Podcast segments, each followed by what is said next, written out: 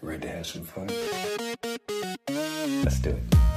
Hoi allemaal en welkom bij weer een nieuwe aflevering van De Makers. Ik ben Diede Vonk, zangeres en actrice. En sinds ik ook zelfstandig muziek en theater ben gaan maken, merkte ik net als veel van mijn collega-makers dat ik tegen een aantal dingen aanliep. Vragen als: hoe krijg je je werk aan de man? Hoe hou ik mezelf productief? En wat doe ik als ik even geen inspiratie heb?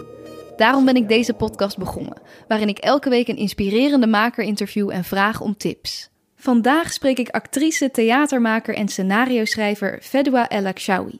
Ze speelde en schreef onder andere mee met de voorstelling Melk en Dadels, maakte de voorstelling Mabroek met Nazardin Char, schreef mee met het scenario van de film Meskina en is nu bezig met haar eigen solovoorstelling Wrak. Maar Fedua heeft een bijzondere route gelopen om te komen waar ze nu is. Vroeger wilde ze de politiek in, vervolgens is ze 13 jaar maatschappijleraar geweest en via keihard werken en een aantal omzwervingen belandde ze uiteindelijk op het toneel. Fedua heeft een tomeloze hoeveelheid energie en doorzettingsvermogen, dat hoor je dan ook zeker terug in dit gesprek. Het gaat over vallen en weer opstaan, over door je angsten en onzekerheden heen werken, over feedback ontvangen en nog veel meer. Ik vond het echt een heel mooi gesprek, dus ik ben heel benieuwd wat jullie ervan gaan vinden. Heel veel dank Fedua en jullie heel veel luisterplezier. Mijn naam is Fedwa El Akshawi en ehm, geboren in Alblasserdam. Uh, ik woon in Rotterdam. Ik identificeer me als een Rotterdammer. Nice. Ik ben theatermaker en schrijver en actrice. Ik weet niet welke belangrijker is of welke ik leuker vind. En ik heb gewoon de luxe om nu te mogen switchen tussen die drie eh, Mhm. eh, beroepen of tussen die drie bezigheden. Ik ben eh, een, een, een dochter. ik kom uit een gezin van negen. Ehm, Flink gezin. ja, zeker. Oké, daar moeten we het zo nog even over hebben. Hoe, hoe jou dat gevormd heeft. Maar eh, een, een mooi volledig antwoord. Ik, ja, ik, stel, ik stel die vraag altijd omdat ik... De ene die geeft een soort cv, de ander die, die zegt gewoon ik ben dit, een titel. Ik vind het wel interessant. Ja. Ja, ook als maker moet je jezelf soort van vaak omschrijven. Ja. Hoe omschrijf je jezelf dan in een paar woorden? Het is zo lastig, want het is bijna een existentiële vraag of zo. Van wie ben je? Ja, weet ik niet. Wie, en, en is wie ben je aan de hand van wat je hebt gedaan? Of is wie ben je, wie wil je graag zijn? Of wie Mhm. wil je dat de buitenwereld eh, denkt dat je bent? Of wat, wat voel je nu? Dus het is een moeilijke vraag. Ja. Je hebt het me meteen heel moeilijk gemaakt. Wie ben een ik? hele ingewikkelde podcast. ik ben moeilijk, dat is het. Ik weet het niet. En je zei ook al, eh, je doet verschillende dingen en je Ja. hebt niet eentje die dan een soort van het hoofdding is. Ehm, waar ben je nu op dit moment het meeste mee bezig? Of waar zit je het meest met je hoofd? Nou, op dit moment met schrijven. Eh, een aantal scenario's aan het schrijven. En ook al bezig met de research voor mijn volgende voorstelling. Dus dat zijn echt de twee. eh, ehm, ja, vooral heel veel schrijven en research. Dat is nu wat ik het meeste doe. Ehm, ja. En dat schrijven dus voor je voorstelling. Ja. Want je schrijft ook voor scenario's. ja, voor film en tv-series en dat soort zaken. Dus daar ben ik wel heel erg druk mee ook. Maar dat is gewoon leuk. Er zit een bepaalde vaart in. Ehm, het het is ook... Dat kan gewoon rijpen. Dus dat, dat maakt het lekker. Eh, mijn voorstellingen, omdat ik eh, zelf schrijf en hem ook zelf speel... Mhm. is altijd ehm, extra eng. Omdat je dan letterlijk... Ja, je bent gewoon een spreekbuis van jezelf. Dus alles Mhm. wat je op papier zet... Mensen kunnen jou daar ook direct op aanspreken. Terwijl de veiligheid om voor anderen te schrijven... is dat anderen daar weer eh, een, vertaling aan kunnen geven. En dat, dat, die afstand zorgt ervoor dat je je heel veilig voelt als schrijven. Dus Mhm. eh, ja, daarom vind ik schrijven voor film en tv ook wel heel erg tof. Ja, kan ik me Omdat, voorstellen. Ja, dat- het is gewoon, eh, er zit een bepaalde eh, humor in. Het mag lekker vet zijn. Het mag eh, eh, cheesy zijn. Het mag eigenlijk alles zijn. Mhm. Ja, dus dat. Maar ja, ik weet niet of ik antwoord heb gegeven op je vraag, maar dat is wat ik doe. Alvast sorry. Ik ga heel veel sidetracks gaan we op. Dat Oh nee, daar hou ik van. Dat, dat, is, dat is het idee van podcasts, Ja, vind ik ook. We hebben ook. natuurlijk een hoofdonderwerp en ik wil gewoon heel veel eh, informatie uit je halen. Maar eh, we mogen ook lekker alle kanten Oh, op Oké, gaan. nou goed. Be prepared. Maar ik kan me dat wel voorstellen bij jou ook, want eh, in jouw voorstellingen speel je ook jezelf eigenlijk, toch? Ja, het zijn, eh, Vaak. eh, eh, het zijn uitvergrotingen. Het is wel echt fictie, Mhm. maar het is wel de oorsprong van zo'n verhaal. Of de, het begint altijd bij mijn persoonlijke verhalen. Het zijn dan uitvergrotingen daarvan. Ik las laatst las ik een, een toffe term. Toen dacht ik, oh, dat is het. En dat was een, een, ehm, een combinatie tussen autobiografieën en, en fictie. Dat het een eh, autofictie of iets. Eh, oh, ik, Oh. Misschien verzin ik het, maar in ieder geval, er was een, een maker, volgens mij, ik weet niet meer wie zij was. Maar die eh, kenmerkte haar werk dus dat ze. ehm, Autobiografisch. maar dan wel Fictief. vervolgens fictief. En, en vooral ook bij mij, ik, ik theatraliseer het natuurlijk heel erg. En ik, en ik zorg ook wel voor, voor dat, we, dat we het echt eh, vet aanzetten. En dat ook bepaalde dingen die niet op waarheid zijn berust. Of dat ik juist het tegenovergestelde van wat ik zelf heb meegemaakt erin zet. Juist de- ook andere perspectieven. Ja, het mag wel een beetje... ehm, larger than life, dat mag wel of zo. ja, daar is Ja. ook toneel voor natuurlijk. ja, ja. ja, zeker. Ja, maar ik snap wel met film dat het misschien nog, nog verder dan van je afstaat of zo. De dingen die je kunt Ja, ik, schrijven ik, ben en maar, eh, ik ben maar, eh, nou ja, ik ga iets zeggen. Nee, maar ik ben maar één persoon. En ik ben maar eh, beperkt ook in mijn denk. Want op een gegeven moment, die ik, dit, dit, is, dit is wat ik, ik, ik... Ik baseer al mijn verhalen en de dingen die ik vertel... allemaal op mijn leven, waar ik ben geweest... met wie ik in aanraking ben ge- geweest. Dat je, eh, wat ik heb ervaren, eh, mijn wensen, mijn dromen, mijn angsten. En die vinden hun weg uiteindelijk in de verhalen die ik vertel. Maar... ehm, dat is maar één persoon. Terwijl je, eh, ik bedoel, eh, wat het toffe is bijvoorbeeld aan films of aan of ook voorstellingen, je bereikt daar zoveel mensen mee dat het ook wel, eh, ja, je moet als maker ook ruimte bieden voor nieuwe verhalen en nieuwe perspectieven. Dus dat betekent dat die samenwerkingen die ik dan opzoek ook ja. ontzettend lekker zijn. En, en bij theater blijft het nog heel erg bij mij, bij Fedua als het ware. Gek om in derde persoon te praten. Ik haat mensen die dat doen. Ik doe het gewoon zelf nu. Fedua vindt, heel raar dit. maar bij, bij, bij theater blijft het nog steeds Fedua, de, de theatermaker, die dus haar verhalen vertelt, die allemaal gebaseerd zijn op hoofdstukken uit haar leven. En bij film of bij series, ja, dat zijn uiteenlopende zaken waarin ik verder de saus overheen gooi, maar de oorsprong ligt ergens anders. En eh, ja, dat is gewoon heel erg tof. En heb je dan nog ook een vrijheid. soort heldere structuur van... eh, de ene maand werk ik aan dat project en ben ik vooral eh, met die kant bezig... en de andere maand met, met dat project? Of loopt het wel heel erg door elkaar? Nou ja, wat, wat ik heb ervaren. De ambitie was ooit om het op die manier te doen. Een stukje time management erop toe te passen. Let's go, weet je. Dat je denkt, oh ja, eh, daar had ik ook een schema. Ik had een, een whiteboard aangeschaft. in, met je coronatijd. Mensen zaten thuis. Ik dacht, ik weet wat ik doe. Ik haal een whiteboard. Ik schrijf mijn project op waar ik mee bezig ben. Ik plan in. Oké, ik sta op om die tijd. En dan ga ik eerst mail afhandelen. Dan ga ik dat doen. En dan had ik op dinsdag had ik dat project. En in real life werkt het gewoon helaas niet zo. Dus het kan zo zijn dat ik aan het sporten ben. Mhm. En dat ik dan opeens denk: oh shit, die film. Dat ik een associatie heb. Ik ben best wel een intuïtieve maker. Dus dat Mhm. betekent dat ik eh, altijd vanuit associaties eh, eh, vertrek. Dat geldt voor heel veel makers. Maar voor mij is er. Ik, ik, ja, dat is denk ik een manco van mij. Dat is gewoon dat ik daar niet goed in ben.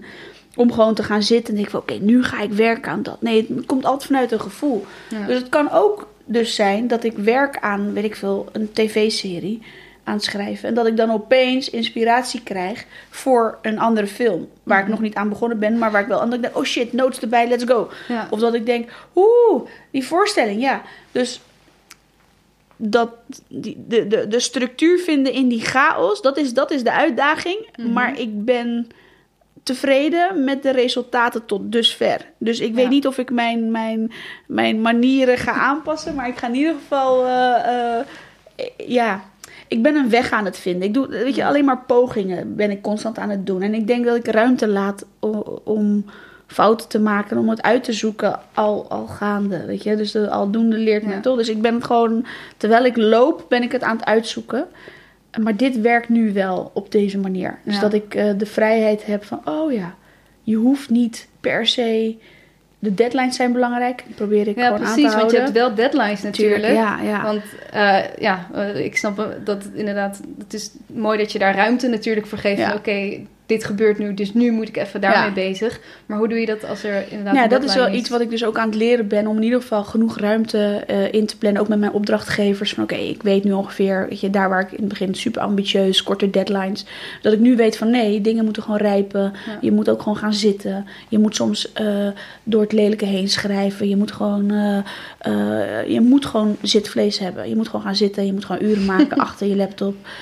om uiteindelijk het op papier te krijgen. Maar ehm, zeg maar 80% van de tijd is in die wereld stappen in mijn hoofd. Die Mhm. wereld die ik aan het creëren ben op papier. eh, met de personages meeleven. eh, voelen wat zij voelen. Bedenken wat ze kunnen. Dat is super vaag. Soms zit ik gewoon in mijn eentje. De hele dialoog vinden er plaats in mijn hoofd.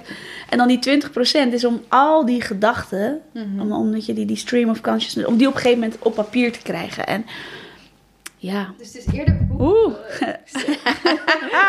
Pardon, luisteraars. sloeg me. Sloeg. Ze sloeg me even. Dat hebben jullie niet gezien.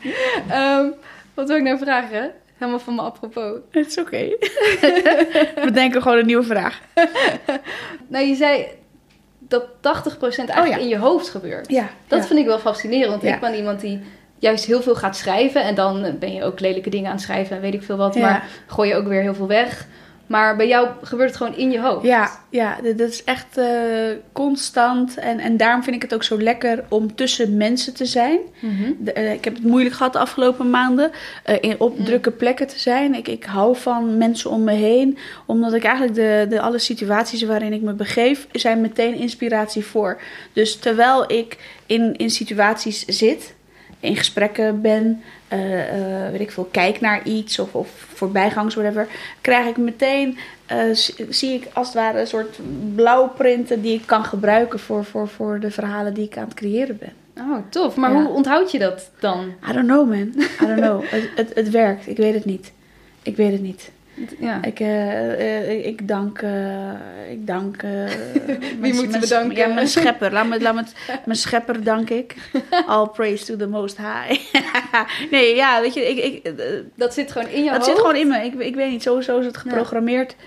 Eh, zo werkt het. Maar dat vind je ook fijn dus om het eerst in je hoofd te creëren voordat je het op papier zet. Ja, nou ja, de, het begint echt met de karakters. Die krijgen voor mij vorm, die krijgen een naam, die krijgen een backstory, die beginnen te leven. De, de karakters, die, die, dat zijn echt kleine werelden waar ik als gast mag komen. Mhm. Waardoor, ehm, en de verhalen die ik vertel, dus de films of de series of de voorstellingen, whatever. Dat zijn allemaal hoofdstukken uit het leven van zo'n karakter. Dat is gewoon Ja. een hoofdstukje van dat Terwijl je moment. eigenlijk het hele leven je van hebt de het hele persoon leven van die persoon. Ja, en op het moment als je dus, dan worden het ook gewoon, eh, het zijn vrienden, het zijn familieleden, het zijn ook men, vaak inspireer ik mijn karakters ook op mensen uit mijn omgeving. Zijn het ook weer uitvergrotingen Oh ja. van mensen die ik al ken. En op die manier gaan ze leven. En net zo goed als dat ik alles weet van mijn eh, beste vrienden en vriendinnen en familie, weet ik dus ook alles van mijn karakters, omdat ze.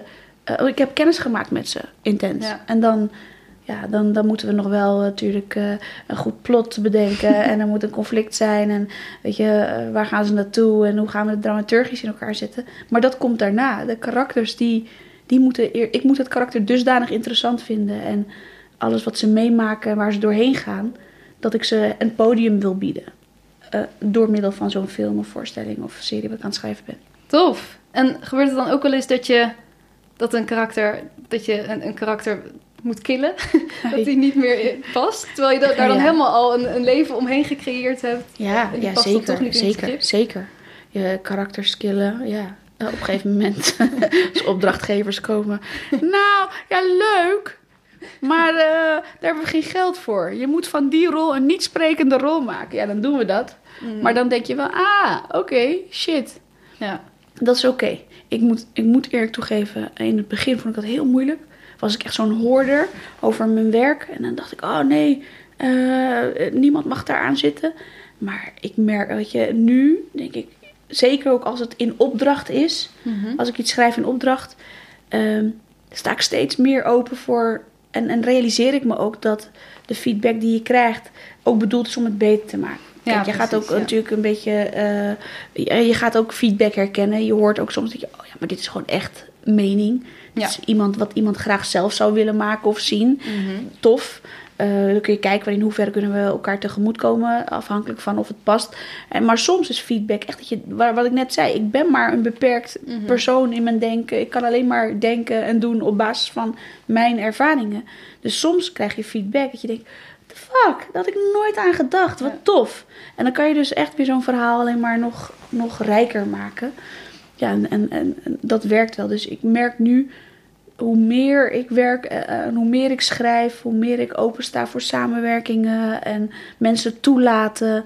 Waardoor je dus karakters makkelijker kan ombuigen of killen. Of Mhm. ja, transitie. Ze gaan gewoon in transitie en dan eh, kijken we wat, wat, wat daar vervolgens uitkomt. Ja, precies. Ja, Ja, maar ik snap inderdaad wel dat het een soort weg is om te leren wanneer is het een mening van iemand, wanneer Ja. ben ik het ermee eens en wanneer niet. Zeker. Is en dat- ook niet persoonlijk vinden, weet je. Ik Ja. weet nog dat ik eh, in het begin, eh, een paar jaar geleden, als ik dan feedback kreeg, gewoon verdrietig ben. En, "Ah, mijn leven. Ja, doe normaal, joh.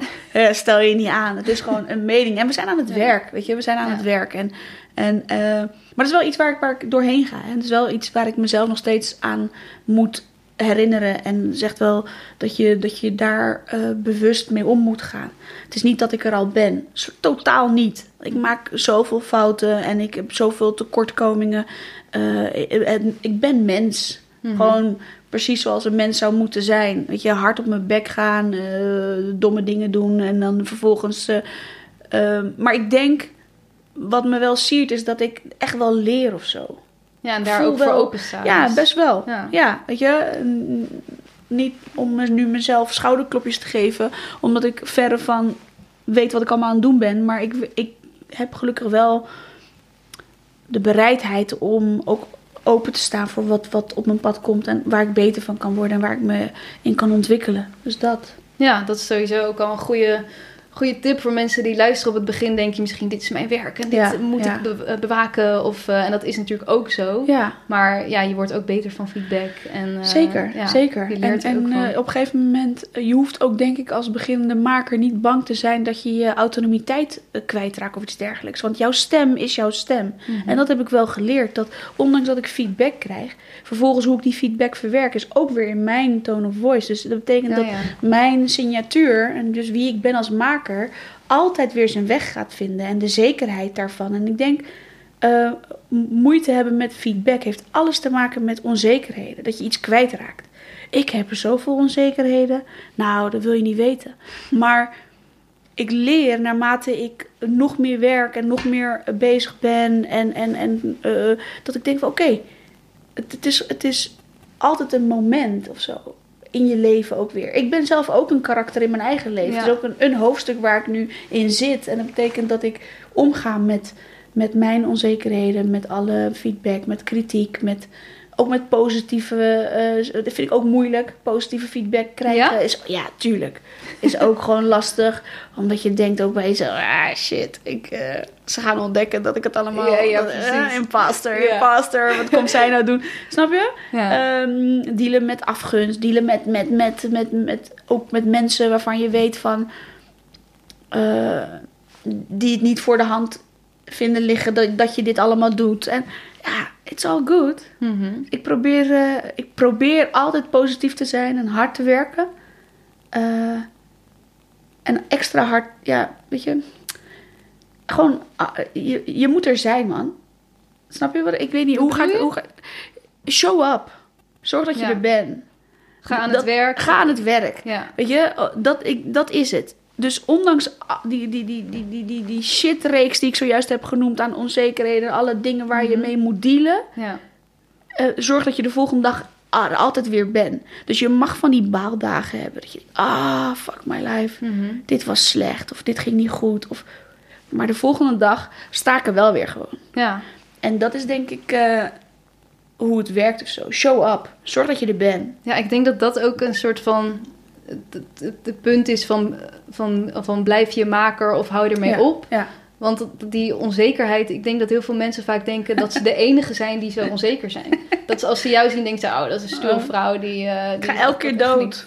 Ga elke keer dood. Is dat zo? Als ik op, op stage moet, als ik een verhaal moet inleveren, als ik iets van mezelf. Want ik bedoel, het komt uit jou. Mhm. Dat je laat een stukje van jezelf elke keer achter. Als ik, ga elke keer half dood en dan kom ik weer terug. Maar het is die spagaat tussen je onzekerheden en ook denken dat je het niet kan. En tegelijkertijd ook het ego wat we wel hebben. En Ja. de noodzaak voelen om bepaalde verhalen te willen vertellen. En ook, je mag ook gewoon erkennen dat je, oké, ehm, ik denk dat ik wel goed ergens in ben of zo. Weet je? Het slaat wel aan. Ik kan mensen vermaken.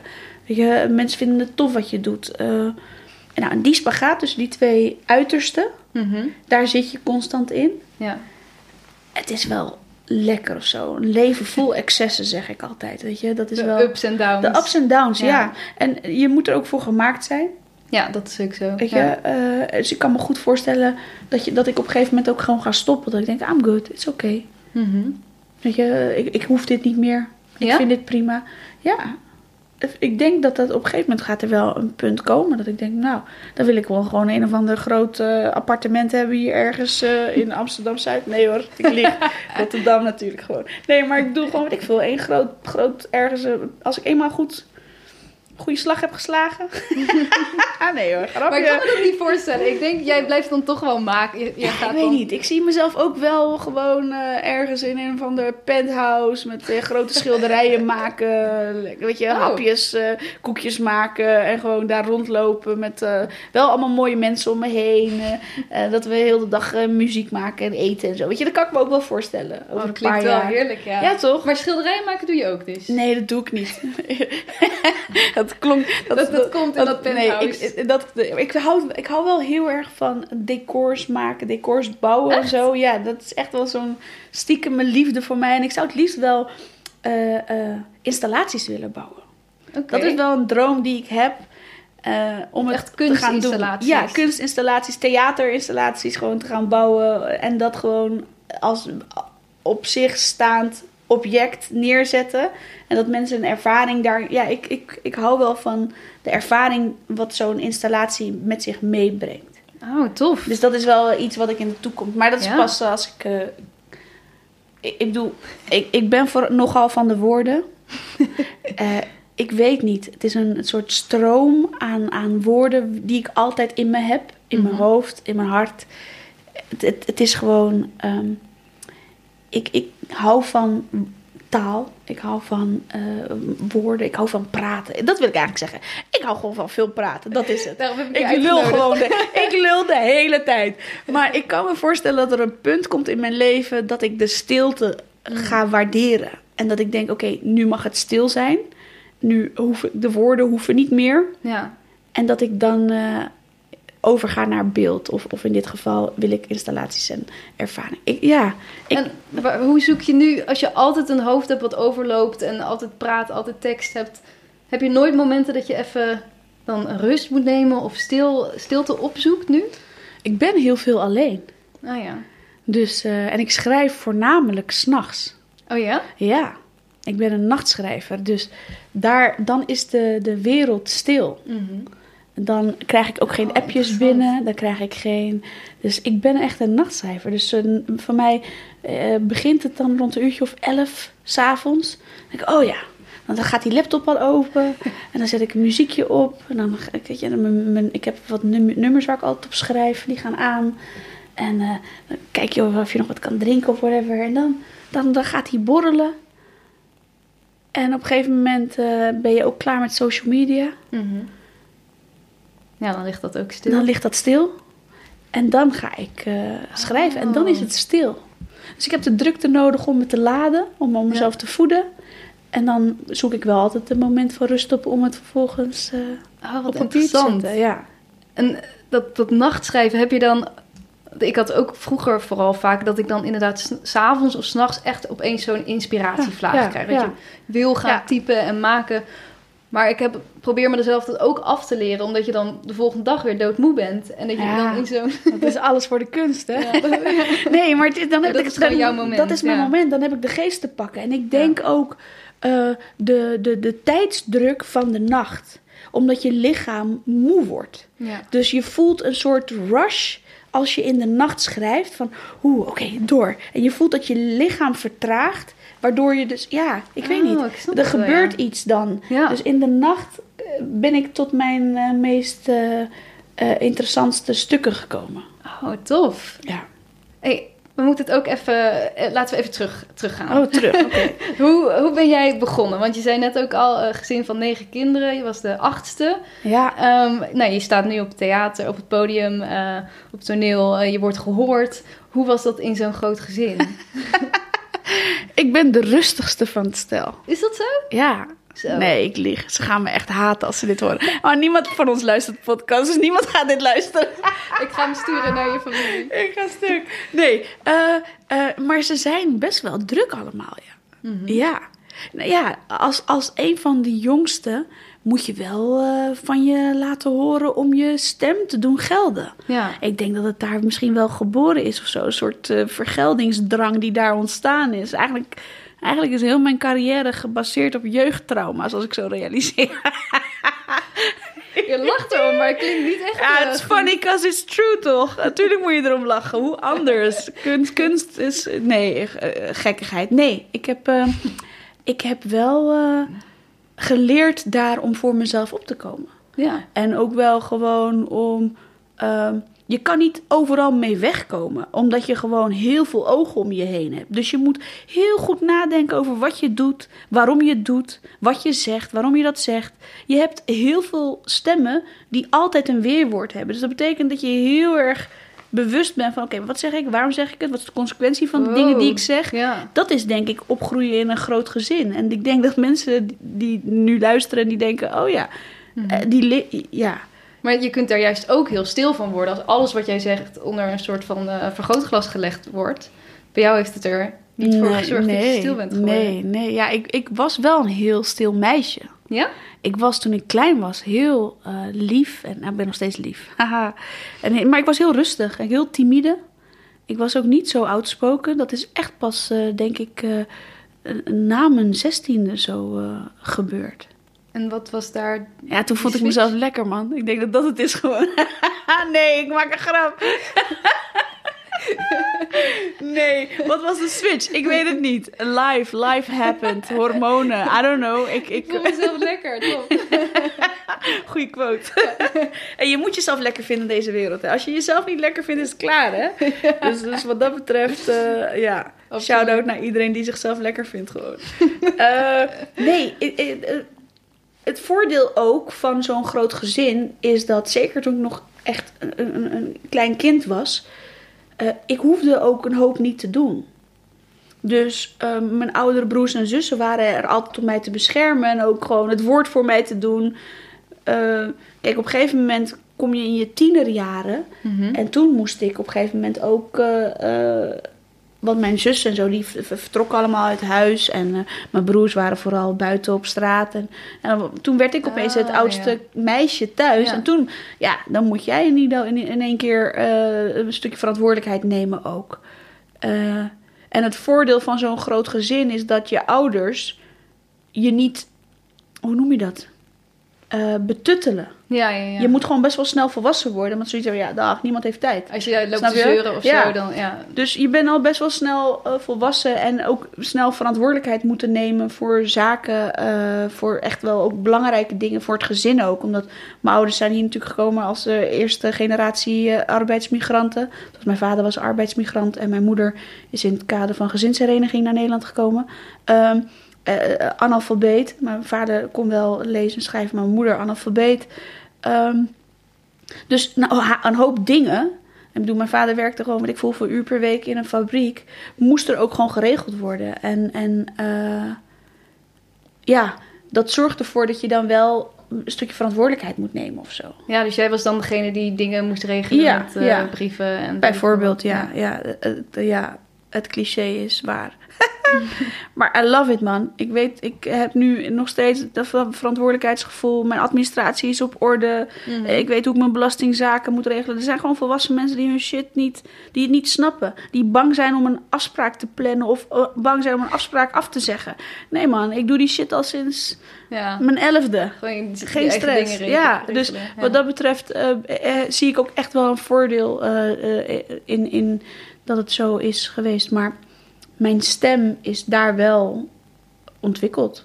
Ja. En eh, je was ook al jong heel erg geïnteresseerd in politiek. Ja. En eh, wa- wat ben je gaan studeren Nou ja, ik heb. Ik heb in ik eerste heb, instantie? In eerste instantie had ik me aangemeld voor International Business Languages. Want ik dacht, ik ga een internationale politieke carrière ambieerde ik. Dus ik dacht, nou, of in ieder geval, ik wilde iets internationaals doen. Dus ik dacht, oh, leuk. Ik wist niet eens wat die opleiding inhield. Je, je komt fris van, het, van de HAVO en je denkt, oh, Klinkt goed. ja, klinkt ja. goed, Engels. En ik had natuurlijk, ik heb wel een soort liefde voor de Engelse taal. En ik, oh yes, we gaan daar internationaal lessen in het Engels krijgen.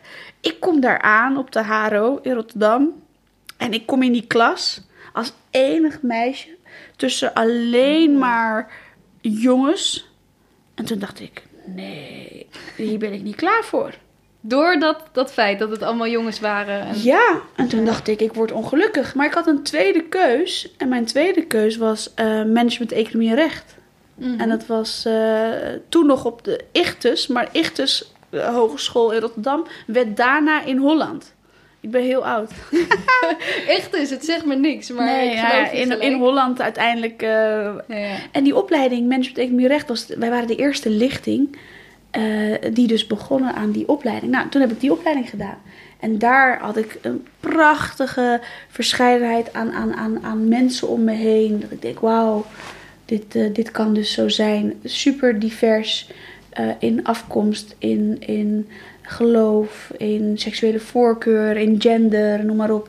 Ja, toen dacht ik, wauw, oké, I like this shit. Ja. Eh, toen ben ik me ook gaan mengen met eh, studentenverenigingen en dat soort dingen. We hadden- weet je, ik heb me nooit ergens aangemeld, maar we hadden wel van die gatherings en er werden eh, debatten, avonden werden georganiseerd. En, en, ja, dus niet studentenverenigingen, studieverenigingen met veel zuipen. En Nee, maar nee, nee. Het serieuze... wel serieuze dingen. En toen dacht ik, oh ja. En toen ging ik me daar steeds meer in interesseren. En ben, heb ik ook bij de Rotterdamse Jongerenraad gezeten als, eh, als adviseur. En, en, en hebben we ook gewoon meegeschreven met, eh, eh, met allerlei beleidsvoorstellen en dat soort zaken. En zo ben ik me steeds meer gaan interesseren in de politiek. En ook de noodzaak van snappen wat er gebeurt. En, de, en ook realisatie van invloed die je kunt hebben op het land waarin je dus leeft.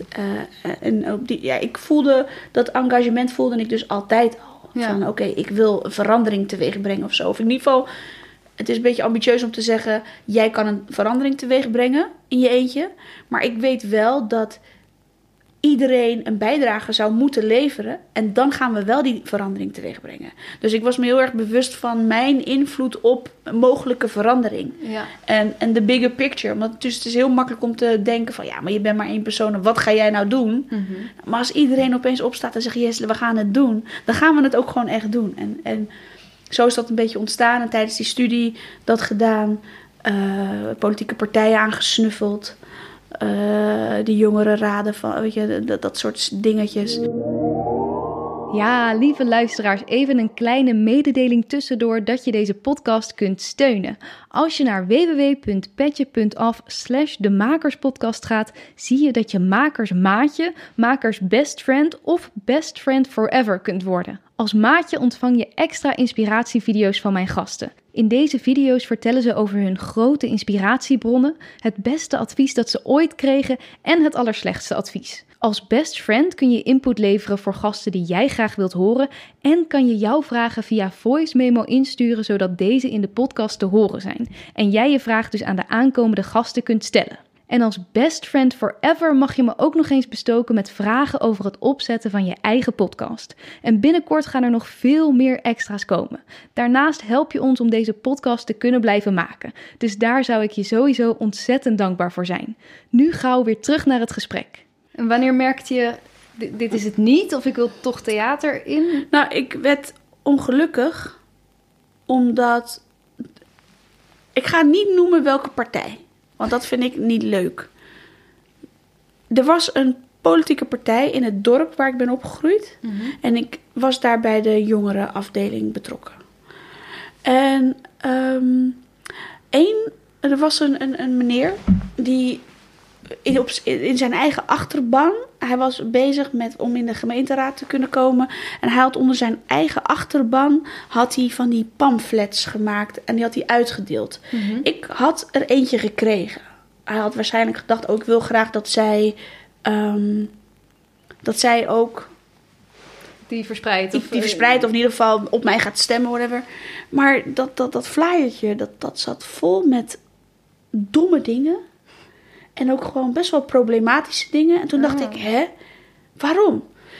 Ik, ik had zoiets van, I ain't a snitch. Dus ik ga niet, ik ga niet zeggen van, dit, want het partijbestuur wist niet dat hij dat had gedaan. Maar ik dacht, nee man, we doen niet aan snitchen man. Huh? Dus hij had een pamflet Ja, gemaakt? en die had hij onder zijn eigen achterban Oh, dus niet echt niet, vanuit nee, de politieke nee, partij? onder zijn eigen achterban. Maar dat wa- was best wel problematisch, dat, dat, dat flyertje. Dus toen dacht ik, nee, maar ik ga dat niet, ik ga dat niet delen met de wereld. Ben je Nee. gek? Mhm. Tuurlijk niet. Maar eh, op een gegeven moment was er zo'n bijeenkomst. En toen heeft iemand anders het ter sprake gebracht. Ja. Ik, was, ik had zoiets van, oké, ik ga niks zeggen. Ik luister gewoon rustig.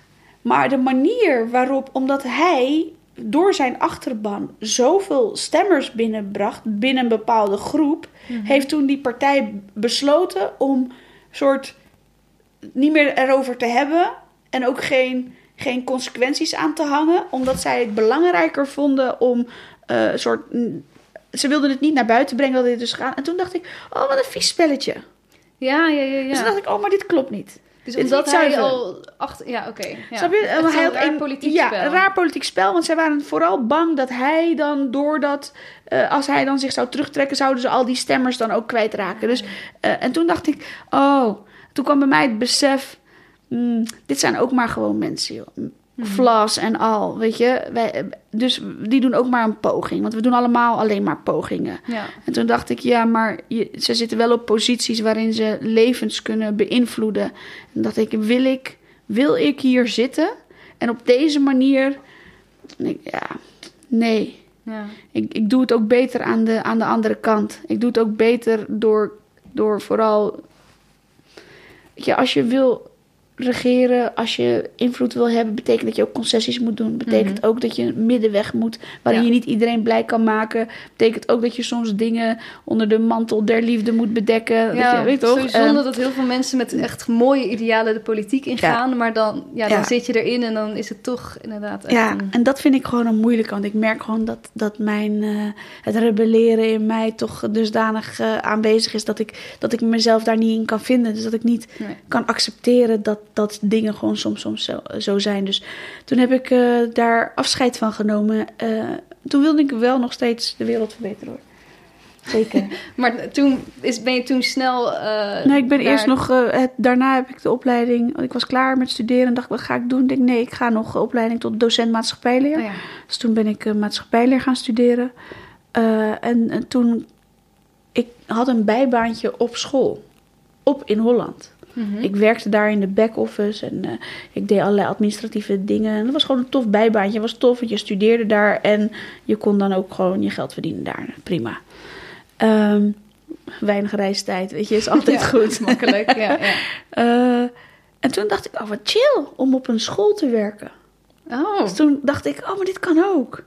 En toen ben ik eigenlijk, eh, terwijl ik afstudeerde van management economie recht, daarna meteen doorgegaan met de opleiding docent maatschappijleer. Omdat ik nog steeds wel die politiek, weet je, ik dacht van, oh ja, ik wil wel, ja, toch eh, het zit er nog wel manier in op een andere beetje- manier. Juist. Dus ik dacht, eh, ben ik maatschappijleerdocent geworden. En toen heb ik gewoon les gegeven, jarenlang. Eh, weet je, eh, heb ik geprobeerd eh, de geesten van jonge mensen te vormen of meehelpen vormen. Of in ieder geval perspectieven bieden. Want ik zei al Ja. tegen mijn studenten: eh, Hallo, mijn naam is die en die. Jullie krijgen van mij dit vak. Eh, mijn doel dit jaar is niet om jullie eh, te vertellen hoe het allemaal moet.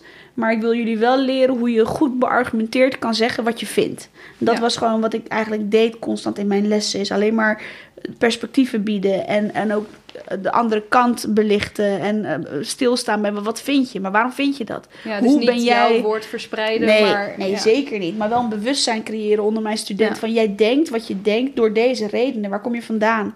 Gewoon constant die context bieden. Dat we allemaal geconditioneerd zijn en gesocialiseerd zijn. En dat we allemaal waarheden hebben en kennen op basis van waar wij vandaan komen. Maar er is een hele grote wereld rondom ons heen die zijn eigen waarheden ook heeft. En op het moment als je open staat voor die andere waarheden, ja, dan kun je ontwikkelen. Dan, kun je, eh, weet je, dan word je een soort master, eh, eh, zen master. Word je dan dat je, oh, weet je, mensen spreken over third eye en dat soort dingen. Ik wil niet vaag worden, maar dan krijg je wel Ja, gewoon een breder een perspectief. breder perspectief. Ja. Ja. Dus ik probeerde dat altijd met mijn studenten te doen. En dat heb ik met heel veel liefde gedaan. Ja. Ik heb dat eh, 13 jaar uiteindelijk gedaan Zo. als docent. Ja, uiteindelijk ook nog andere vakken, ook wat creatieve vakken erbij gegeven. Eh, omdat ik ook wel echt, ik vond het wel heel erg tof. Marketingvakken ook gegeven. En conceptontwikkeling als vak gegeven. Dus heel veel van dat soort dingetjes ook gedaan. Ehm, Ik vind het zo grappig dat je altijd...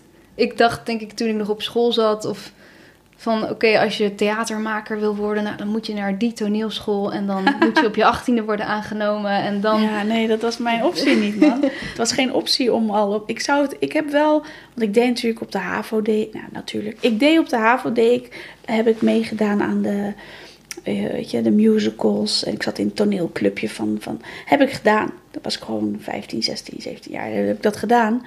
Ik was altijd boomnummer 16 of zo, omdat, ja, weet je, nee, in die tijd... Mensen zien er niet uit zoals jij zei. Oh, Dus ja? altijd, ja man. Dus dan kon je weer, je mocht geen Annie spelen, want ja, je bent, je bent Marokkaans. Eh, je mocht geen, eh, weet ik Oh, veel. jeetje. dus, dus prima, maar ik had wel heel veel liefde voor, voor musicals Maar waarom was het niet en, en een theater. om... Ja, weet ik veel. Leg dat uit aan meneer Van der Linden als je luistert. Fuck you.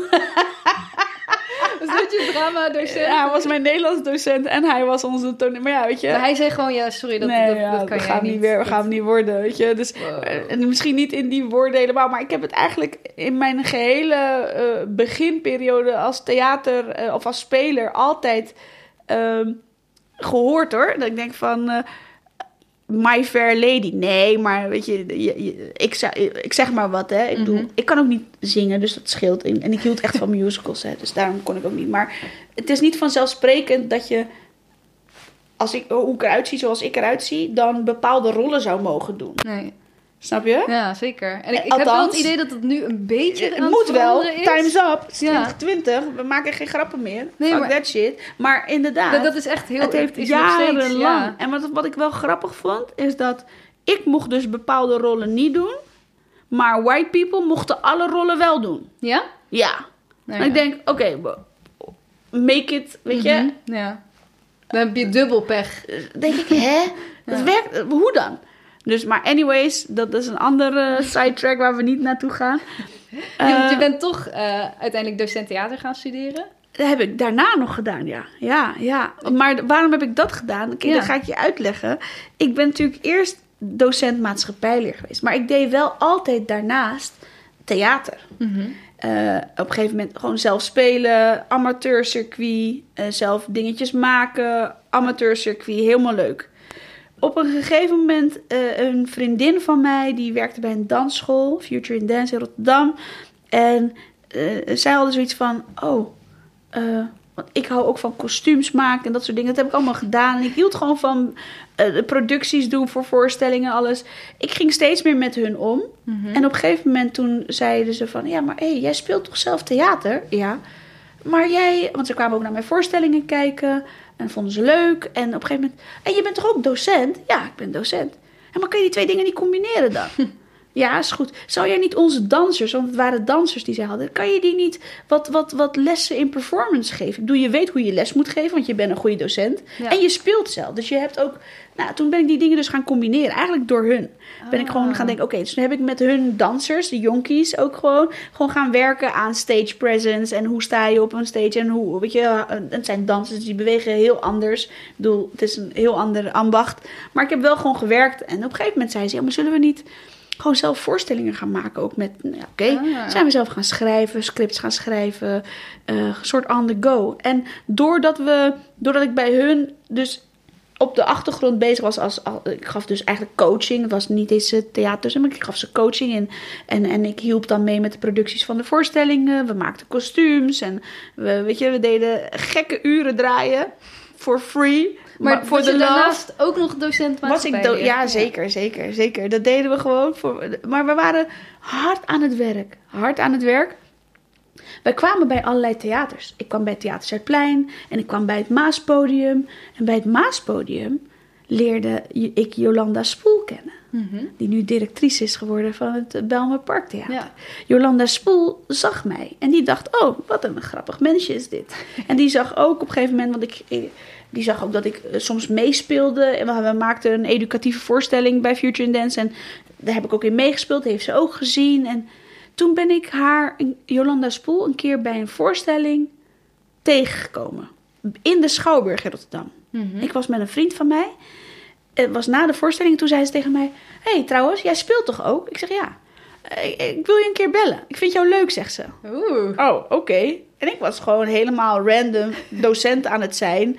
En gewoon dus backstage aan het helpen. Productie, Ja, wel kostuums. met hart Weet je? voor theater. ja, echt gewoon werken. complete... Weet je, we waren keihard aan het werk... om gewoon hele toffe voorstellingen voor de jongeren te maken constant. En dat was echt wel gewoon eh, eh, hoog tempo. Ja. Maar Jolanda had mij dus gezien, want we werden daar geprogrammeerd in dat, weet je, in, in dat, dat Mhm. theater bij haar met die jeugdvoorstellingen. En toen zei Jolanda, eh, heeft ze mij gecontact. En zei ze, nou, ik heb een heel tof project, dat gaan we doen. We gaan een educatieve voorstelling maken vanuit Maas. Wil jij niet, wil je dat niet? Ik zei, wat zeg jij nou allemaal? Hoe bedoel je? ja. Wat, hè? Nou, tuurlijk wil ik dat. Mhm. En toen heb ik dat gedaan. En toen was het dus eigenlijk mijn eerste, eerste eh, eh, semi-professionele voorstelling. Tussen hele getalenteerde andere acteurs. Met professionele regisseur, een dramaturg, whatever. We hebben een hele mooie eh, educatieve voorstelling gemaakt. In het kader van 75 jaar herdenken van eh, de, sinds het bombardement in de stad Rotterdam. Voorstelling die we hebben gespeeld rondom allemaal scholen. Nou ja, daarna heeft Jolanda me nog een keer gevraagd. En toen kwam eigenlijk... want ik merkte dat ik, doordat ik mijn naam begon een beetje rond te suizen daar in Rotterdam. Mhm. En mocht ik bij het Theater Hoofdplein wat doen, Ah, ja. eh, lessen gaan geven. En toen bij het Jeugdtheaterhuis in Rotterdam ook lessen gaan geven. Bij de SKVR in Rotterdam. Maar elke keer zeiden ze van, oké, eh, je papiertje, wat heb je gedaan? Mhm. Ja, niks. Ik heb eh, eh, economie eerst gestudeerd en daarna maatschappijleer. Ik heb Engels ook gedaan een jaar. Ehm, eh, ja, en ik geef les en ik heb wel heel veel ervaring als speler, maar wel amateur. En toen zeiden ze, meerdere mensen, ja, je moet je papiertje halen. Toen- werd die Ah. regel werd ingevoerd, dat je alleen nog maar les mocht geven als je ook echt... Ja. En toen ben ik op zoek gegaan en toen kwam Jolanda weer. Ja, er is een opleiding hier eh, in, Rotterdam, of in Amsterdam, AHK. Die heeft de opleiding tot eh, theaterdocent. Dus Ja. docerend theatermaker. Het is een verkorte deeltijdopleiding. Oh ja, top. Maar toen ging ik kijken en dan zie ik, shit, dat is alleen voor professionals die dus al zoveel jaren ervaring hebben. En toen zei Jolanda, ja, maar jij hebt toch ervaring? Ik moest wel op basis van een aanbevelingsbrief. Toen heeft die vrouw, Jolanda Spoel, motherfucking Jolanda Spoel. Grote shout-out. Ja, echt, niet normaal. Die vrouw heeft een aanbevelingsbrief geschreven. Mhm. En ze hebben me En daardoor... Ja. gevraagd. Dat was mijn voet tussen die deur. ja. Maar hoe, als zij zo... Zij vroeg jou van, hey, wil je niet meespelen met die Ze zag voorstelling? mijn talent voordat Ja. andere mensen het zagen. Maar jij wist gelijk, tuurlijk, dat is wat ik wil doen. Dus ik ben een ja-zegger, niet- man. Ik ben een ja-zegger. Maar hoe komt het dat je niet eerder zelf dan die link had gelegd? Van eigenlijk wil ik gewoon op dat toneel. Weet je, eh, je, ik verdiende gewoon geld Mhm. met, met, mijn, met mijn baan. Ik, zekerheden, vast contract. eh, eh, ook gewoon bepaalde eh, verwachtingen vanuit thuis uit. Weet je, je, je gaat gewoon een vak leren. En, dan- Ja. dat, dat, dat waren de, de ambities destijds. Weet je. Het is niet voor de hand liggend dat je iets creatiefs ging doen. Dat Nee. was bij ons niet voor de hand liggend vanuit het gezin. En ook zo'n grote eh, sprong maken. Nou ja, inderdaad. En ze hebben me wel altijd gesteund, maar ze zagen mijn hobby altijd. Ah, verder, we doen nog iets geks daarnaast. Ja. Weet je toch, op een gegeven moment. dus ik heb ook heel lang, terwijl ik nog gewoon les gaf, daarnaast al die dingen gedaan. Ja. Dus ook ik had een te gekke teamleider bij de school waar ik werkte. Die ook echt geloofde in me. En die ook gewoon het te gek vond dat ik deze dingen mocht doen. Die zo coulant is geweest in hoe Ja, ga ik het passen. Maar ik werkte gewoon een fulltime baan. Ja. En daarnaast ging ik gewoon nog voorstellingen maken, spelen en draaien. Ja, dat heb ik jaren gedaan. En hoe, ja, hoe, hoe, hoe doe je dat allemaal naast elkaar? Werd je niet op een gegeven moment, heb je jezelf overwerkt? Eh, Nee joh. Migrantenkinderen doen niet aan overwerkt zijn. Nee, ik lul. Eh, en het is gewoon hard werken. Ik weet het niet. Ik, ik hoor dit heel vaak en nu nog steeds. Ik doe heel veel verschillende dingen. En mensen zeggen nog steeds tegen mij van... Hé, hey, doe jij niet te veel? Kijk je uit? Dadelijk ga je, krijg je een burn-out. En ik, ja, het gaat goed met me, man. Ja, ik weet fijn. het niet. Misschien komt dat nog Ja. wel ooit. I don't know. Ik vind het Maar- ook soms zonde als mensen dat zeggen, inderdaad. Ik krijg Ja. echt wekelijks krijg ik het wel te horen van wow. Ik, ja, eh, eh, we zijn niet hetzelfde gemaakt. Wat voor mij goed is, is niet goed voor jou. En wat, wat goed. Ik bedoel, en ik zeg niet dat dit de manier is, maar veel werken, hard werken, verschillende dingen doen, word ik heel gelukkig van. En dingen doen waar je zelf heel gelukkig van wordt, scheelt natuurlijk wel. Ik bedoel, ik mag zoveel mooie dingen Mhm. doen.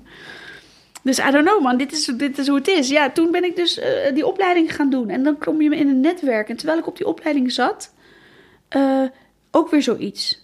Ik had jaren geen Facebook. En toen dacht ik, oh, ik ga meedoen met de hype. Ik ga een keer Facebook aanmaken. En toen had ik opeens Facebook. Eh, en toen ben ik gecontact via Facebook door een casting director die mij niet kende, maar mijn naam had gehoord via via. En dat ik dus of ik auditie wilde doen voor iets. Wow. Ik weet nog steeds niet wie mijn naam heeft genoemd. Maar toen ben ik dus auditie gaan doen voor Melk en Dadels. Ja. Ja. En toen kwam ik in Dat aanraking met... de- de big dat break, was de big maar. break. Ja. Omdat ik daarvoor vooral in het Rotterdamse circuit... Wat ik zeg, ik Ja. heb twee, twee mooie projecten bij Maaspodium gedaan. Mhm. Mijn eigen projecten nog gewoon gedaan in Rotterdam. Maar de big break was dat ik via Messenger van Facebook een berichtje krijg. Wil jij? Ik Dus- kreeg er kippenvel van. ja, Ik het was een bizar. Weet je, maar weet je wat bizar is? Ik reed dus in mijn auto naar Amsterdam. En ik had zoiets van, ik weet niet wat ik aan het doen ben. Maar ik had dus ook niet gedacht van, ik ga het krijgen of zo. Ik ging naar Amsterdam dat ik dacht, oh, ik ben lang niet in Amsterdam geweest. Ik ga gewoon even chillen in Amsterdam. Ik ga daarna op zoek naar wat te eten. Ik ga de stad in. Ik ga naar die auditie. En zo kwam ik die auditie in. Ik zie allemaal mensen. Ik denk, oké. Ik zie Daria Boekfiets opeens zitten. Ik had gegoogeld. Ik denk, oh. Ik zie eh, eh, allemaal mensen, eh, productiemensen zitten. Ik doe gewoon mijn ding. En ik zeg je eerlijk, I don't know. Het was gewoon, I was winging it gewoon. Weet je, ik probeerde maar wat. Want ik had dus Ja, je hebt wel natuurlijk al die jaren ervaring. Tuurlijk, maar wat tuurlijk. Ik, ik, eh, weet je, maar ik had wel zoiets van... ho- Hoe laat zijn we klaar? Want ik ga nog de stad in. Dat was, dat was de vibe, de, hoe ik naar die auditie ging. Ik ging daar weg. Ik Maar dacht, toffe ervaring. Want ze hebben me zo tof ontvangen. Mhm. Mensen van Rose Stories en, en, en de, regisseur en alles. Maar omdat je dacht, het, gaat, het wordt hem toch niet? Was ik heel... Nou ja, ik had gewoon zoiets van... Ik, had, ik heb altijd wel een beetje die, dat imposter syndrome. Hè? Ik dacht Ja. ook van, oh, dat komt zo hoor. Want dit waren allemaal afgestudeerde acteurs die daar ook waren. En dan kom, kom ik opeens. Ja. Wat heb je gedaan? Ja, kostuums gemaakt. Eh, ja, ik heb, eh, ja, ik had dan wel mijn ervaring bij, bij Maas. En ik zat inmiddels zat ik wel op de AHK als theaterdocent. Dus weet je, met heel veel mooie professionals mogen werken. Die je echt wel het vak leren. En leren hoe de ambacht in elkaar zit. En hoe je dat kunt verfijnen en verder kun- kan ontwikkelen. Dus ik, ik, ik was wel in sneltreinvaart aan, aan het ontwikkelen. Maar ik dacht, ja, weet je... Er zijn hier gewoon acteurs van, van, van de, de, alle bekende theaterscholen. Maar dat heeft mij wel een bepaalde onbevangenheid gegeven. En ik denk een bepaalde relaxheid. Waardoor ik dus goed ben opgevangen, Ja. opgevallen. Ja. Ik kreeg twee dagen daarna zo'n belletje. Ja, eh, we willen je graag nog een keer. Dacht ik, hè? Nog een keer? Oké, nou die tweede keer, toen ging ik dood. Waarom? Ja, omdat ik toen dacht... "Oh, dan zie je opeens dat het Ja, een mogelijkheid is. Er is een kans. Ja. "Oh, ik ben opgevallen. Weet je, ze hebben mijn naam onthouden. Ze willen me terugzien. Mhm. Nou, die tweede keer. Maar toen kreeg ik weer zo'n rush. Van, ik wil het. En toen ben ik ook gewoon hem gegaan. En ik moet zeggen... Soumeya Ahwowi, eh, de, mijn medespeelster ook in, in, in Melk en Dadels. Met haar stond ik in die auditie. En we hadden meteen een klik. Ah, en top. deze vrouw is geniaal. Ah. En dit is echt, als je het hebt over goede acteurs, deze vrouw is echt, verstaat haar vak. Ik heb me zo kunnen optrekken aan haar. Mhm. En in die auditie heb ik me zo kunnen. Ik klikte met haar en ik, ik kon met haar mee. En zij creëerde een vibe waarin ik mee kon gaan. Ja, toen hebben we gewoon stuk gemaakt. Oh, en toen gek. kreeg ik een dag of twee dagen, ik weet niet meer precies, daarna een telefoontje van Daria. eh, wil jij in mijn voorstelling spelen? Ik denk, donder op! donder de fuck op! Ja, natuurlijk wil ik dat! ja, eh, eh, Melk en Dadels, weet je. Ze hebben heel snel vroeg al gecast. We hebben een heel mooi voortraject gehad, waarin ik echt bewust kon worden van waar ga ik instappen. Mhm. We hebben een heel mooi eh, eh, traject waarin eh, de verhalen geschreven zijn. Weet je, met Ja, ook met Bibi. elkaar samen Met elkaar, toch? ja. Ja. Dus en met Tovik, we zijn geïnterviewd door hem. We hebben een hele mooie reis kunnen maken. Ehm, hij heeft heel mooi materiaal aangeleverd als start zijn. Daarna hebben we daarop verder ontwikkeld. We hebben echt een heel mooi traject gehad. En toen begon die voorstelling. En wij wisten denk ik van tevoren, althans ik. Ik wist van tevoren niet wat deze voorstelling zou gaan betekenen. Ik had dat niet bedacht. En uiteindelijk Ja. toen is die voorstelling, die werd de wereld in, in, in gelanceerd. En toen begon bij mij het kwartje te vallen. Maar wat, we hebben iets geweldigs gedaan. De, de reacties en de, de, de, de, de vibe die eromheen gecreëerd was. Heel tof. De tour was geweldig. Ja, en, en toen ben ik opgevallen. Ja. En, en toen was het hek van de dam. Want dan krijg je opeens aanbieding na aanbieding. En omdat we zelf hebben mogen schrijven, ben ik ook opgevallen als schrijver. En Rose Stories heeft wel gedacht van... Oh, deze, de- deze chick, De producent. de van producent, eh, die ook niet alleen theatervoorstellingen produceert, maar ook eh, tv-formats, film, eh, series, Ja. een uitgeverij hebben. Dus ze hadden zoiets van, oh, maar we vinden jou leuk en we zien iets in jou. Mhm.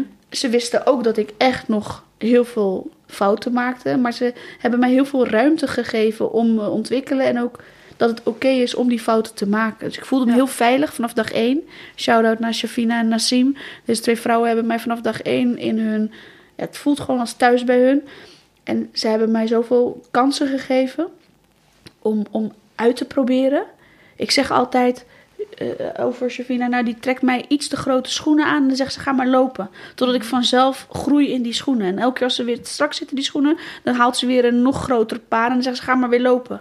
En, en, en zo gaat het dus steeds. Dus een gegeven moment zei ze ja kom, let's go. Zij geloofde in mij voordat ik in mezelf ging geloven. Dus eh, schrijven, dat kan je. Kom, we gaan je aanmelden voor eh, nieuwe stukken. Ga maar eh, een stuk schrijven. Oh, tof, yes. Weet je wat? We gaan voor een film. de film Meskina hebben zij natuurlijk Mhm. mede geproduceerd. We zoeken nog een toffe co-schrijver. Let's go. Kans geven. Daria, die als regisseur, die zei ja, let's go. Verder die- erbij. Wat heb je ook je? meegeschreven met Ja, film? ja, Ah. ja. Dus meegeschreven met de film. En dan op een gegeven moment, dan, dan gaat je naam gaat dan gonzen. Omdat Mhm. mensen horen. En Ja. natuurlijk, je werkt ook hard ervoor. hè. Het is niet alleen maar aankomen waaien. Ik, werk, ik stop echt de uren erin hoor. combinatie is van super, super hard werken, Ja, heel veel doen, maar ook soms op het juiste moment op de juiste, juiste plek mensen. zijn en de, juiste mensen die En het zijn allemaal vrouwen geweest. Het zijn Ja. allemaal vrouwen geweest die mijn carrière naar voren hebben ge- geduwd. En I love that. Ik heb echt mijn carrière te danken aan een aantal sleutelfiguren geweest. Eh, eh, dus dat was in eerste instantie eh, met mijn vriendinnen Rashida Willems en Indira Tauwenaar, die van Future in Dance. Die zeiden, misschien moet je dat eens even gaan Ja. doen. En daarna was het Jolanda Spoel. Die zegt, oh, misschien moet je dat eens gaan doen. Toen was het Daria Boekfiets en Ja, dus je en- hebt ook die anderen nodig om... Ja, Zeker. Om bedoel, zij hebben het komen. gezien in jou. En ze hebben gezegd van, weet je wat? Ik had niet de papieren mee. Nee. Maar ik had wel gewoon een grote dosis lef en doorzettingsvermogen. En ik denk ook wel wat talent. Om dus daar te gaan staan en zeggen, oké, let's go. Eh, ja te zeggen. Ja. Eh, en, en nu de laatste jaren ben ik non-stop aan het werk geweest. Met zowel voorstellingen als eh, scripts schrijven, als acteren. Ook in andere dingen, losse dingetjes. En life's good. Ik ben Gewoon geheel gestopt met, met lesgeven. Ja, maar dat is ook best wel Ja. sinds kort nog maar, toch? Ja, sinds een voor- jaar ja sinds een jaar. Omdat ik, omdat ik ook bang was. Ik was heel erg bang om die stap te wagen. Ik was bang om dat diepe in te duiken. Want ik dacht nog steeds... "Oh, maar wat als het nou allemaal ophoudt? Dan Ja. ben ik straks... Dan ben ik... Dit was mijn zekerheid. En ik hield ook echt van het lesgeven. Ik vond het heel erg tof. Maar ehm, met Rose Stories weer. Die hebben mij toen aangemeld voor de nieuwmakersregeling. En die heb ik gehonoreerd gekregen. Ja. En toen zaten we voor die commissie en we waren aan het praten. En toen zei een van die commissieleden ook van... ja, maar waarom zouden we het moeten geven? En toen kwam opeens het antwoord bij me op. Dat ik denk van... oh, maar dat is dan het moment dat ik volledig los ga laten. Dat ik volledig me erin stort. Want ik moest denken aan een gesprek die ik had met Nasreddin Char. Met hem heb ik een voorstelling gemaakt. eh, twee jaar geleden of vorig jaar, ik weet niet meer. Voorstelling. En hij ook, dat hij al tegen me zei: ja, je moet op een gegeven moment moet je volledig focussen op iets om het te doen, oh, zodat Ja. het kan groeien. weet je? Zolang je nog op beide paarden wet, Ja. dan blijf je altijd een beetje. Je moet op een gegeven moment met het ene gewoon door. Dus ik heb gewoon het lesgeven toen helemaal losgelaten met pijn in mijn hart en me volledig gestort op mijn, eh, ja, dus het, het, het maken. En dan eh, daarin gelukkig wel de kansen krijgen dat ik niet één ding hoef te doen. Dus ik mag zowel schrijven als maken als spelen. Dus dat vind ik heel erg tof, die combinatie. Want ik denk dat ik alleen één ding zou ik ook... ehm, dan zou ik andere dingen weer gaan missen. Ja, dus je hoeft je niet op één paard te wedden als in eh, of schrijven of Nee. eh, spelen of zo. Maar wel gewoon echt even die veiligheid van wat lesgeven nog was voor jou. Ja, Toch even durven ja loslaten. volledig ZZP'er nu. En, en, en, en dat bevalt me heel goed. Het heeft heel veel ruimte gegeven. Eh, eh, ja, Wat vind je het moeilijkste aan volledig ZZP'er zijn nu? dat opdrachtgevers eh, niet op tijd facturen betalen. nee, ik doe Dat is jammer, ja. Wat vind ik moeilijk? Ja, eh, nee, ik, ik, moet, ik moet zeggen, dit voelt nog als de honeymoon of zo. Misschien moet ik die Hmm. moeilijke tijden nog krijgen. Dat weet ik ongetwijfeld, weet je. Ik heb nu, ben nu in dit huwelijk gestapt met mijn ZZP'erschap. En ik ben nu echt in die witte broodsweken. En dat betekent, eh, zeg ik dat goed? Ja, hè? Witte broodsweken, toch? Ja. Volgens mij wel. Hey. Ik heb ze nog niet meegemaakt, maar... Nee, maar dus, dus alles is nog tof. En ik heb het geluk, en nogmaals, ik dank God echt hoor. Ik heb het geluk dat ik opdrachten krijg. En Ja. dat mensen ehm, eh, eh, in me geloven en mij de ruimte willen geven om te ontwikkelen. eh, dat, die, dat, de, dat die ruimte er nog steeds is. Dus ik ben oké. Ik ben echt. ja. ik heb nu geen moeilijkheid. Ja, time management. Ik moet mezelf nu heel erg bewaken, omdat je denkt je bent vrij. Ik kom natuurlijk uit een situatie waarin ik altijd een vaste baan had en Ja. daarnaast dingen deed. Een Dus- rooster, een soort snap van je? dit ga jij Ja. doen vandaag. En nu heb ja. ik dus geen rooster. Dus dat betekent dat er voor mij dat ik dacht, oh, ik kan heel veel. En nu kom je wel soms jezelf tegen dat je, oh, maar vriendin, misschien eh, moet je dat niet doen. Of misschien moet je dat vooruitschuiven. Of misschien moet je daar nee tegen zeggen. Dus, dus dat is wat ik nu leer. Om gewoon goed met mijn tijd om te gaan en mijn agenda goed te bewaken. En niet zozeer dat het mij te veel zou worden, maar ook omdat je iets wil waarborgen. Je wil ook Ja. gewoon kwaliteit blijven leveren. Je wil ook naar je opdrachtgevers goed werk verrichten. Ja, je hebt deadlines. Het moet Deadlines, tijd ja. af. En er moet altijd ruimte blijven voor mezelf om me verder te ontwikkelen. Plan je daar echt eh, losse ruimte? Nou, ik, ik denk dat het bewustzijn zit hem. Het zit hem vooral in het bewustzijn en hulp vragen. Mhm. Eh, daar zit voor mij nu, dat is eh, de twee dingen die ik wel constant doe om mezelf te blijven ontwikkelen. Dus ik, ik, ik ben, ik, ik, goed team om je heen verzamelen. Ik zeg, Rose Stories zit ik nu bij als een van hun makers. En zowel voor theater als voor film- en tv-series. En ehm, zij, zij blijven wel de groep of de, de mensen die, die, die constant ook waken. Oké, hoe gaat het met je? Wat doe je? Wat doe je fout? En als, als er ook dingen zijn die niet goed zijn, dan, dan benoemen ze dat ook. En, en, Oh, dus dat eh, is ook een soort van sparringspartner. ja, ja zij het is echt wel mijn coaches gewoon Ja. daarin. En, en, en ook gewoon eh, een duwtje geven wanneer ik dat nodig heb. Maar ook soms terugtrekken wanneer dat nodig is. En dat is wel heel erg fijn. Zijn er nog andere dingen? Of, want dat zijn dus al, is al best wel een groot ding, denk ik. Het hulp vragen en het Mhm. bewustzijn van, van je eigen ontwikkeling. eh, eh, nou ja, gewoon altijd in blijven eh, Ja. plannen. Zijn er nog andere dingen? Want we moeten ook gaan afronden. Oh, ja, gaat hard. hè? time flies. Ja, I know. Wou zeggen, als je bij mij een kwartje ingooit, dan ga ik wel hoor. Maar zijn er nog andere dingen voor, voor mensen die nu luisteren, theatermakers of ander soort makers? Misschien lessen die jij hebt geleerd of een tip die je mee zou willen geven van oh, dat heeft mij echt geholpen of eh, dit inzicht. Ja, nou ja, ik, ik, ik, je moet echt in je eigen shit geloven gewoon. Dat klinkt zo cliché, maar dat is het echt. En wat ik net zei, eh, je, je mag eh, ruimte hebben om te falen. Snap je? Gun jezelf dat. Gun jezelf om falikant de mist in te gaan. Wees niet te streng voor jezelf, maar de volgende dag show up. Zorg dat je er bent. Dat is het. Ik ben er altijd weer. Nice. En, en door alle shit heen, door alle onzekerheden, ongemak. eh, maar ik ben er gewoon weer. En dan gaan we het gewoon weer proberen. Het is, de, de wereld, het leven is niets meer dan een serie pogingen die soms lukken en heel vaak mislukken.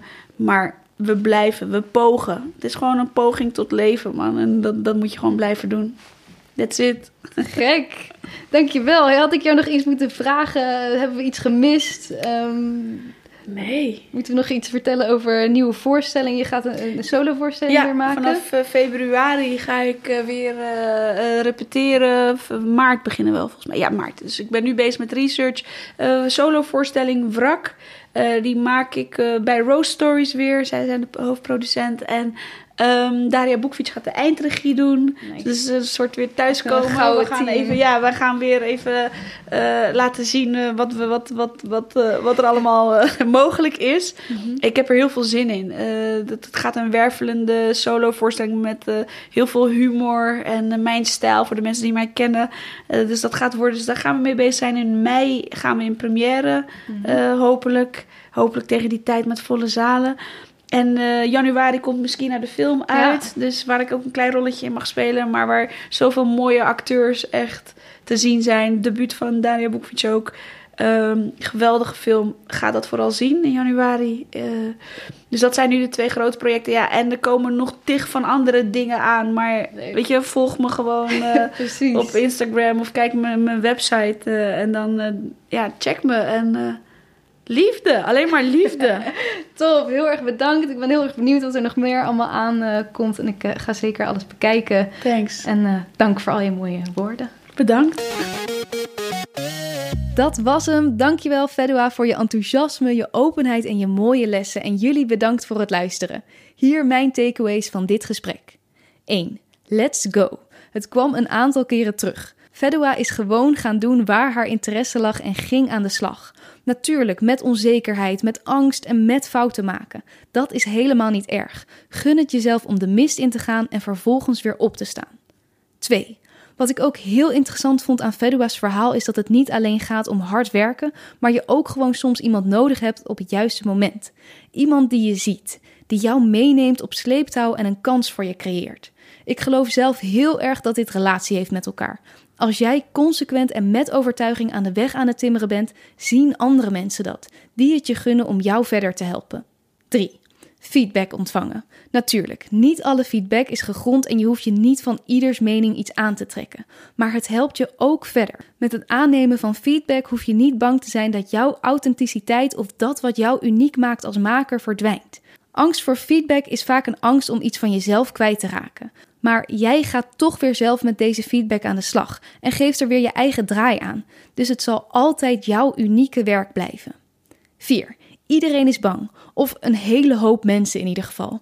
Vaak hoor ik makers zeggen: Ja, maar die persoon die doet dat gewoon. Ik weet niet of ik dat zou durven. Volgens mij heeft iedereen die iets heeft bereikt ergens in dat proces een angst moeten overwinnen. Of misschien zoals Fedua zegt, nog steeds die angst heeft. Nog steeds moeten overgeven voor een voorstelling, maar het toch doet. Heel erg bedankt voor het luisteren. Als je dit een interessant gesprek vond en je hebt er iets aan gehad, help je ons heel erg door om te delen met iemand of natuurlijk de podcast te steunen via petje.af slash de makerspodcast. Daar vind je ook allemaal leuke extra filmpjes waarin mijn gasten hun grootste lessen, beste adviezen en inspiratiebronnen delen. Tot volgende week. Vond je dit een leuk gesprek? Abonneer je dan op de podcast en volg de Makers Podcast op Facebook en Instagram. Delen en reviewen is heel erg fijn en laat het me vooral weten als je nog gasten of vragen hebt die je graag wilt horen. Volgende week staat er weer een hele bijzondere, inspirerende gast voor je klaar. Deze podcast werd gemaakt door mij, Diede Vonk, en de muziek is van David Zwarts.